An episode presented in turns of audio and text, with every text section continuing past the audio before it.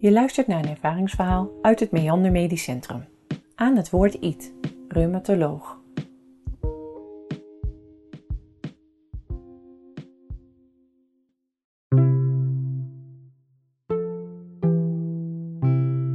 Bij mijn afscheid als reumatoloog een paar maanden geleden kwam er een patiënt op mij af.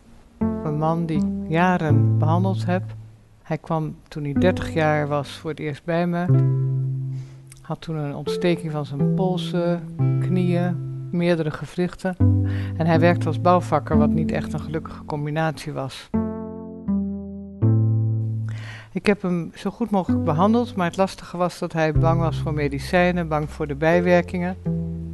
Dus het was altijd een beetje onderhandelen over hoeveel medicijnen hij wilde gebruiken en hoeveel medicijnen ik dacht dat goed voor hem waren.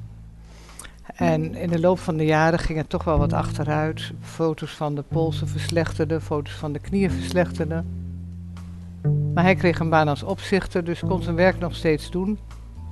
En was heel tevreden. Bij mijn afscheid zei hij dan ook tegen me van... Dankjewel dok, dat je niet bent blijven doorzeuren over die medicijnen.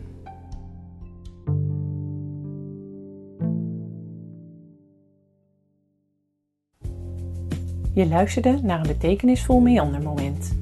Een co-productie van Meander Medisch Centrum en Zorgdragers. Firma Reuring, Buitenzinnen, Sier en Nathan van der Veer. Benieuwd naar meer mooie verhalen? Kijk op zorgdragers.nl. De verhalen zijn auteursrechtelijk beschermd.